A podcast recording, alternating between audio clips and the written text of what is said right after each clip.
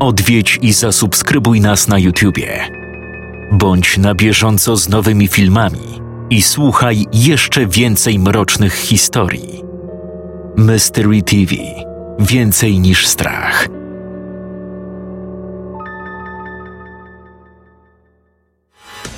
W ósmej edycji Creepy Wyzwania bierze udział 16 autorów, którzy zostali podzieleni na cztery grupy. Po prezentacji opowiadań z danej grupy odbędzie się głosowanie, które wyłoni autorów przechodzących do kolejnego etapu. W tym miesiącu prezentujemy opowiadania grupy A. Zapraszam do wysłuchania historii autorstwa Pauliny Ziarko na podstawie pomysłu Pauliny Markowicz.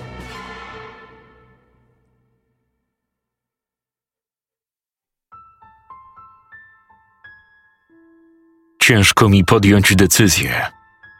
Wciąż męczą mnie koszmary z tamtego dnia. Nie mogę słuchać o tym miejscu i tym bardziej przechodzić koło niego. Dlaczego zatem uważasz, że powinnam o nim mówić? Nikt nie lubi cmentarze. Są ponure, brudne. I nieważne, czy jest zero, czy trzydzieści stopni na zewnątrz, tam zawsze jest chłodniej. Cofnijmy się o 25 lat, do czasów drugiej klasy szkoły podstawowej. Zarówno moja szkoła, jak i dom sąsiadowały z jedynym cmentarzem w miasteczku. Szkoła od północy, dom od południa. Więc musiałam przejść przez cmentarz, czy tego chciałam, czy nie. Moi rodzice nie mieli samochodu, ani czasu, żeby mnie prowadzić do szkoły, a potem jeszcze z niej zabierać. Nie dało się też cmentarza obejść, bo z jednej strony był czyjś prywatny teren, a z drugiej niekończąca się budowa. Tego dnia wracałam ze szkoły z moim przyjacielem Kamilem. Po wejściu na cmentarz zaskoczyła nas nagła zmiana temperatury. Faktycznie było tu chłodniej. Po naszej prawej stronie znajdował się śmietnik, a kilka grobów dalej od lat nieużywana kostnica. Codziennie zastanawiałam się, dlaczego jej w końcu nie zlikwidują. W oddali po lewej stronie stała kaplica z chłodnią. Główna ścieżka biegnąca przez cmentarz była szeroka i w centrum rozgałęziała się na cztery mniejsze dróżki, które doprowadzały do pozostałych części cmentarza. Gdy spojrzeliśmy w lewo, zauważyliśmy nowy, wykopany grób, a kilkanaście metrów za nim ogromny dąb o charakterystycznym kształcie, z którego słynął nasz cmentarz. Wiele miejsc obrasta w legendy, ale nie każda jest tak straszna i tak realistyczna jak ta. Dąb, o którym mówię, jest przeklęty. Zabawnie to brzmi, ale łatwiej jest wyśmiać prawdę, zanim się ją pozna. Mówi się, że pięć lat wcześniej na tym cmentarzu pracowała jedna z zakrystianek, sprzątając. Była młodą, samotną matką, wychowującą ośmioletnią córeczkę. Obie nie były zbyt lubiane przez mieszkańców, bo co może przyjść pierwsze na myśl na widok zaniedbanej kobiety i małomównego, żyjącego w swoim świecie dziecka? Alkoholiczka, dziecko nieuleczalnie chore, patologia. Kościelna jednak nie przejmowała się opinią innych, dziękując Bogu za jakąkolwiek pracę.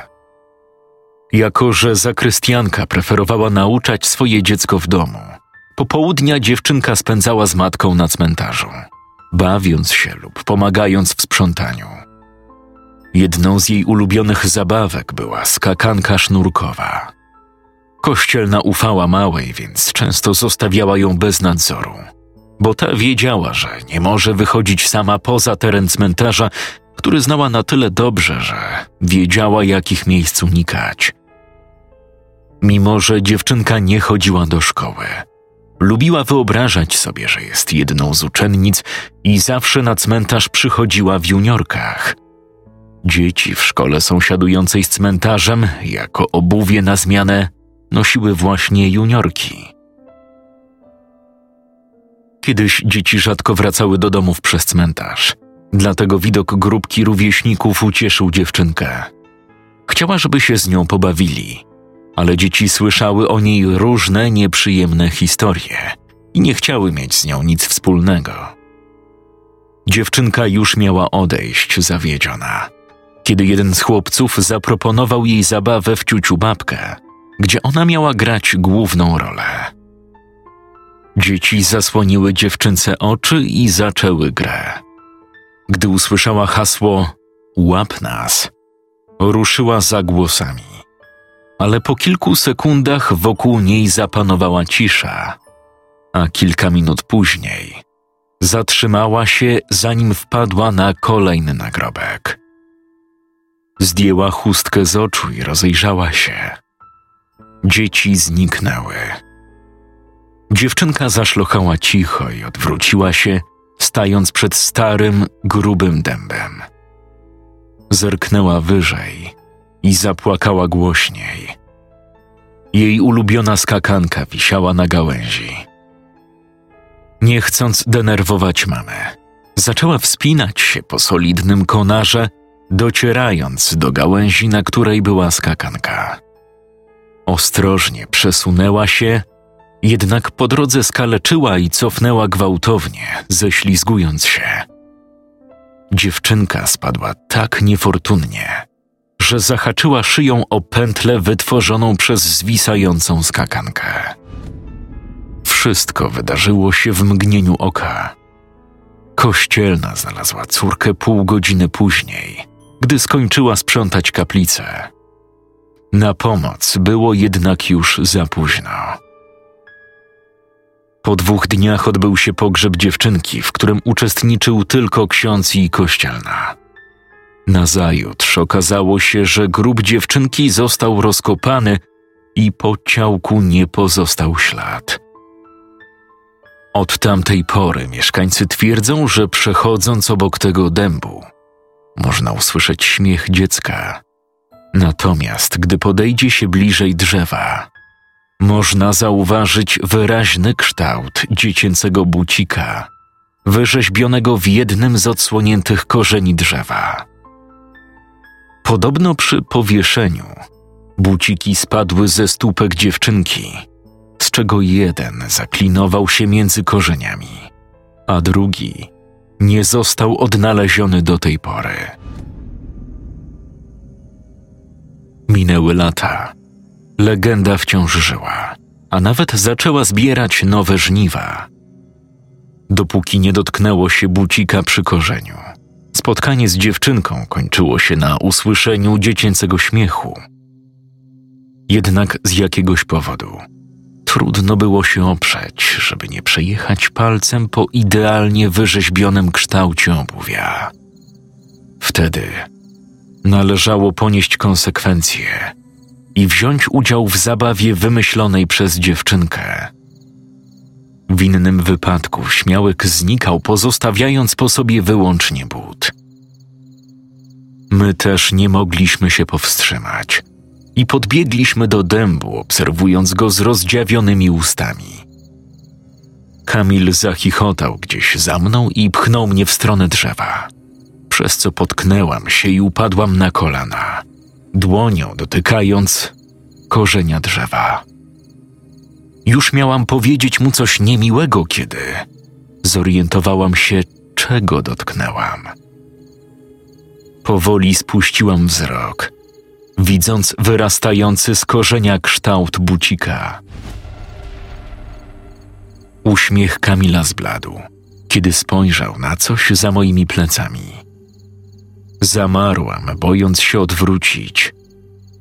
Gdy w końcu poruszyłam się, za mnie rozległ się cichy, dziecięcy śmiech, który natychmiast się oddalił, jakby jego właściciel uciekł.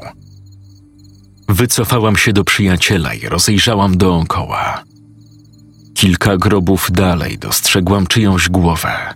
Schowano za zasłoną długich, mysich włosów, która wyglądała z za drzewa. Ruszyliśmy w jej stronę, ale zanim do niej dobiegliśmy, zniknęła, by po chwili zaśmiać się za nami. Zajęło mi kilka sekund, żeby zrozumieć, co to wszystko oznaczało.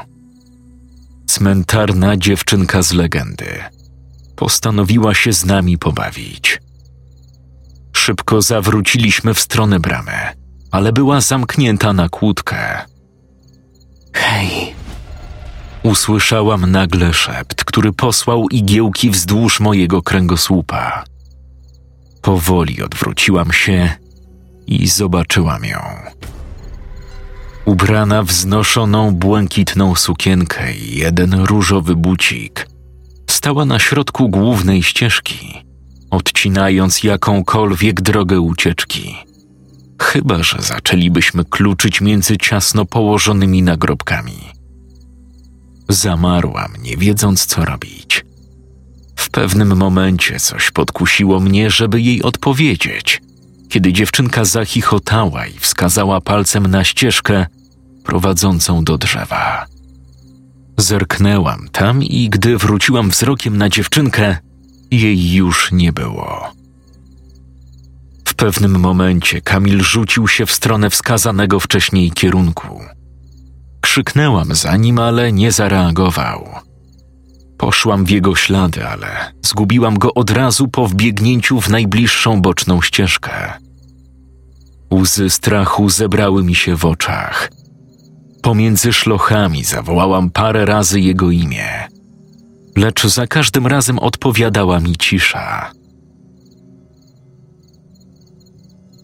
Nagłe bicie dzwonu z kościoła nieopodal, oznajmiające godzinę dziewiętnastą, sprawiło, że podskoczyłam ze strachu. Powoli zaczęło się ściemniać i ochładzać. W oddali zobaczyłam przeklęty dąb. Zatrzymałam się kilka grobów od niego. Miałam już zawrócić i pobiec po pomoc do szkoły, kiedy coś znajdującego się przy najbliższym grobie przykuło moją uwagę. Kucnęłam przy nim i z pół otwartego grobu wyciągnęłam brudną skakankę sznurkową. A kuku? Kolejny szept, tym razem tuż przy moim uchu, sprawił, że krzyknęłam i upadłam do tyłu, a grób zatrząsnął się z hukiem. Nie zważając już na nic, puściłam się biegiem w stronę drugiej bramy, a za mną podążył coraz głośniejszy śmiech, który zakończył się ogromnym piskiem. Po drodze potknęłam się o coś i wylądowałam na chodniku, ocierając sobie łokcie i kolana. Odwróciłam się i ujrzałam coś, co zmroziło mi krew w żyłach.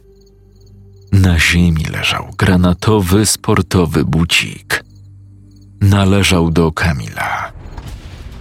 Podniosłam obuwie i rozejrzałam się w poszukiwaniu przyjaciela. Ale zanim zawołałam go po imieniu, zobaczyłam tę dziewczynkę stojącą w półotwartych drzwiach do kostnicy. Obserwowałam ją jak zahipnotyzowana. W końcu dziewczynka uniosła rękę i machnęła nią w moim kierunku. Chodź. Usłyszałam szept tak blisko, jakby była koło mnie, po czym zniknęła w kostnicy. Pomyślałam, że właśnie tam znajdował się Kamil i ruszyłam w jej stronę. Otworzyłam ostrożnie skrzypiące drzwi i zajrzałam do środka. Kostnica miała tylko jedno wybrakowane okno witrażowe, ale już było po zachodzie słońca, więc niewiele było w niej widać. Zdołałam jedynie dostrzec dwa kamienne stoły o nierównej powierzchni. Między nimi krzyż. Na jednej ze ścian wisiały uschnięte rośliny. Gdy podeszłam bliżej stołów, pewna, że Kamil chował się pod jednym z nich, zrozumiałam, że stoły wcale nie miały nierównej powierzchni. Coś na nich leżało, przykryte szarymi płachtami, a spod jednej z płacht wystawała bezwładna ręka. Zdusiłam w sobie pisk i odwróciłam się, żeby wybiec z kostnicy, ale zatrzymałam się w pół kroku, widząc cmentarną dziewczynkę stojącą tuż przed uchylonymi drzwiami. Uśmiechała się. Nagle usłyszałam za plecami szelest, jakby jedno z ciał poruszyło się, zrzucając z siebie płachtę. Następnie na drzwiach zobaczyłam dużą dłoń, która pchnęła je i zamknęła na klucz.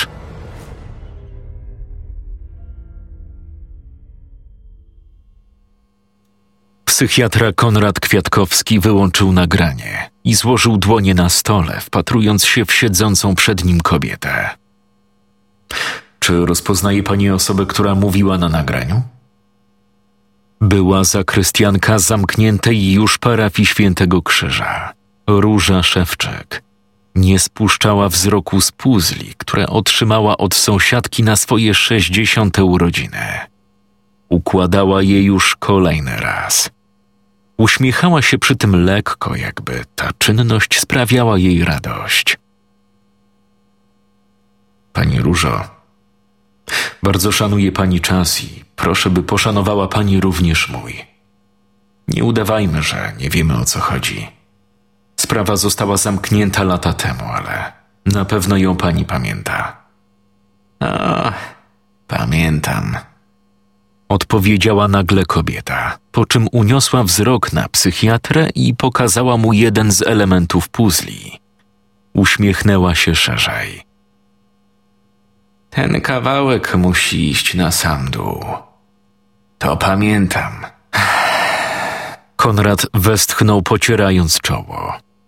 Zanim tu wszedł, miał świadomość, że będzie mieć do czynienia z ciężkim przypadkiem – Mimo, że od śmierci córki Róży Szewczek minęło 30 lat, tragedia wciąż była widoczna nie tylko w domu, ale i zachowaniu kobiety. Już nigdy nie była taka sama. Nie wmawiała wszystkim, że jej córka wciąż żyje, ale zaczęła się zachowywać dokładnie jak ona, jak ośmioletnie dziecko. Konrad zbyt krótko ją znał, żeby stwierdzić, czy udawała, czy faktycznie był to efekt tego nieszczęśliwego wypadku. Osoba z nagrania jest moją pacjentką. Zdobyła się na odwagę, by opowiedzieć tę historię 25 lat później, ponieważ całonocne zamknięcie w kostnicy w tak młodym wieku rozwinęło w niej różnego rodzaju lęki. Nie mam z nią kontaktu od tygodnia, a wczoraj dotarła do mnie informacja, że zaginęła. Dwa dni przed zaginięciem była u mnie na sesji. Dlaczego to robisz? Zapytała nagle róża, przerywając układanie puzli. Twarz miała smutną, ale w jej głosie można było wyczuć złość. To był wypadek. Tak, wiem, pani różo. Nikt panią o nic nie obwinia. Niegrzeczne dzieci muszą ponieść karę powiedziała kobieta i niespodziewanie uśmiechnęła się, jakby zeszli na przyjemny dla niej temat. Trzeba je upomnieć i dać im czekoladowe ciasteczka. Tak mnie uczyła mama. Konrad uznał, że więcej się od niej nie dowie. Z uwagi na jej stan psychiczny nie chciał drążyć tematu wypadku ale bez tego nie mógł wejść w szczegóły. Tak naprawdę to nie tylko zaginięcie jego pacjentki go martwiło. Tuż po śmierci dziewczynki nastąpiła fala zaginięć dzieci w wieku szkolnym, gdzie jedynym tropem był pozostawiony przez nich but. Po kilku miesiącach wszystkie zaginione dzieci udało się odnaleźć, jednak bez szansy na ratunek. Ciekawostką w całej tej sprawie było to, że ciała miały bose stopy i do tej pory nie udało się odnaleźć brakujących bucików. Ostatecznie sprawa została zamknięta, gdy złapano poszukiwanego od dawna pedofila i nie została ona powiązana z wypadkiem na cmentarzu. Konrad postanowił, że dochodzenie zostawi policji, gdy przekaże im to nagranie. Po wyjściu psychiatry Róża układała puzzle jeszcze kilka minut, po czym zamarła, przyglądając się prawie kompletnemu dziełu, które przedstawiało cmentarz o zmierzchu. Dotknęła czule znajdujące się na nim drzewo, a następnie wstała i przyciskając do piersi zniszczony różowy bucik, posuwistym krokiem ruszyła w stronę zasłony znajdującej się na ścianie za stolikiem. Po drodze nociła pod nosem jedną z pieśni pogrzebowych. Róża odsunęła zasłonę. Jej oczom ukazały się niewielkie, drewniane drzwiczki. Kucnęła i weszła do środka. Zapaliła światło, które słabo oświetliło sporych rozmiarów pokój. Nie znajdowało się w nim wiele. W większości były to kubki jakichś przedmiotów zakrytych czarną folią. Uwagę jednak przykuwała postać siedząca na fotelu w centrum pomieszczenia. Postać była niewielka, przywodząca na myśl lalkę rozmiarów ośmioletniego dziecka. Ubrana była w bardzo ozdobną, błękitną sukienkę, a wokół siebie porozstawiane miała różne zabawki. Siedziała w bezruchu, a długie włosy mysiego koloru spływały jej na twarz. Kościelna uśmiechnęła się szeroko i kucnęła tuż przed fotelem. Zobacz. Powiedziała radośnie, kładąc na dłoni różowy bucik, w taki sposób, jakby był skarbem. Przyniosłam ci twój ulubiony bucik. Założymy go? Gdy założyła bucik na stópkę postaci, wstała i ogarnęła rękami pokój. Wygląda pięknie. Znajdziemy drugi? Masz tyle do wyboru. Możesz wybrać ten, który ci się podoba. Kobieta przebiegła się po pomieszczeniu, zrzucając folie, które ujawniły sterty najróżniejszych bucików w najróżniejszych kolorach i rozmiarach. Potem wróciła do fotela. Lilia, kochanie, chcesz dwa nowe buciki? Tym razem przyniosę ci większe. Po tych słowach róża opuściła pokój.